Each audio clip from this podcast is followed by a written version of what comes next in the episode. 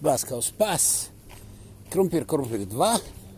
Gotovo ima za pomfrit. I ovo je prvi put, sada je stvar zvanično ne eksperimentalna, ali imamo frezu za zezu koja doista radi. Mislim, čovjek se odlučio znojiti, iako smo poprilično zašli u noć. I ja vam govorim sa brda normalno, iz doline se teže čuje. Danas o tome pitanju prijateljstva, koje ipak na kraju krajeva velikim dijelom počiva na emocijama.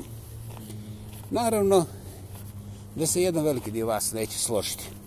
Naime, kakve emocije kad ljudi imaju interese koji su opipljivi, prebrojivi i Bogu hvala, jeli potrošivi ili uštedljivi. Dakle, ko imati taj klatiti ili ko nemati taj vapiti je uglavnom klackalica koja ne može da bude riješena večeras i odmen, naravno ne u jednom jedinom osvrtu, pa kakav god on bio. Međutim, najvažnije je znati da prijatelj je postao sa jedne strane fetiš za one koji se ne mogu snaći u ovom takozvanom modernom, tehnologiziranom svijetu koji je oh, poprilično impotentan, ali da ne bi govorio o impotenciji, onda on kaže, he, plastičan, hladan, kao to bože efikasan u tehnološkom smislu. Ili s druge strane, oni koji imaju malo više vremena i malo više novca, oni toga prijatelja ponekad ideologiziraju, ali najviše idealiziraju, pa onda idu u puste epove i to doista pomjera moj stomak iz normale, pa ja o tome neću govoriti. Dakle, da li prijatelj vredi ili ne vredi, je promašena priča kao, na primjer, da li pranje zuba sprečava ovu bolest ili onu bolest, zbog toga što dokaza i na jednoj i na drugoj strani ima i što postoje ozbiljni ozbiljni segmenti društva koji jednostavno neće o tom da raspravljaju jer tu nema ništa dvojbeno po njihovom uvjerenju, znanju i obrazovanju. Poštujem, zašto ne? Ne smeta mi. Ipak, ipak, prijatelj kao fenomen društva, ne samo modernog, ne samo tehnologiziranog, prijatelj je jedna forma slobode čovjeka u okruženju, u kojem ne mora biti drugih ljudi. Ovo je interesantno, ali to neću objašnjavati ovom zgodom. I prijatelj je u stvari izraz volje pojedinca, individue. Mada su nemoguće stvari kao, na primjer, prijatelj bez osobe broj 2 ili 2 miliona 222 nečega.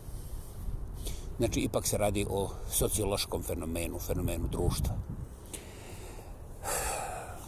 Mene fenomenologija ne zanima, ali izraz slobode koji je tu i potpuno dohvatljiv, i kako me zanima.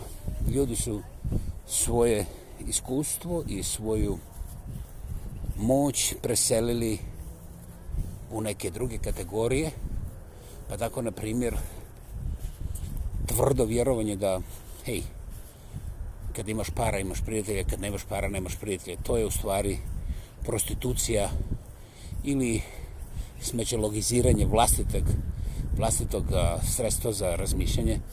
Kod nekoga se to može zvati i mozak, kod jednog dobrog dijela ljudi to je smećište, sratište ili recimo stratište promašenosti. Uglavnom, fiksacije ne mogu biti razmišljanje. Fiksacija je beton i takav kakav je ostaje tu i normalno onda imamo fanatik iz fiksacije i to sve skupo završava na tim ekstremima koji su mrtvorođeni, koji su morbidni, jer oni ne mogu zaroditi ništa osim novog krša, novog loma, novih sukoba i novih debila na tom nivou. Da li postoji izuzeci? Bog hvala, postoje. Zato ništa nije idealno i zato mi nećemo sresti hodajućeg ovaj, što brije noge koji je idealan, jer jedini idealan je u stvari onaj koga ne možemo vidjeti i koga ne možemo nazvati istim imenom, a vjerujemo da je moćniji od svega i svačega što mi možemo da zamislimo. Dakle, gospodo, igra je bez granice. Kako god vi to shvatili, i to je u suštini najčvršći i najbliži domet razmišljanja i istine koju mi možemo pojmiti. Klas kao spas. Ja i nemam pas, evo me, nema pas. Šetam na brdu iznad grada, Kravograda. Želim da vas pozdravim. Nadam se da ste mogli pratiti misao mladog slama. Znači, samoproglašenog lingvističkog aktiviste monumentalno autentičnog. Znači, slama, zapamtite, slama vas slama i uvijek je s vama. Dakle, nekada davno, Radio Split je završavao jednu od svojih popularnih emisija, godina 74. 5. 6. proljeće. Ćao, bao narode!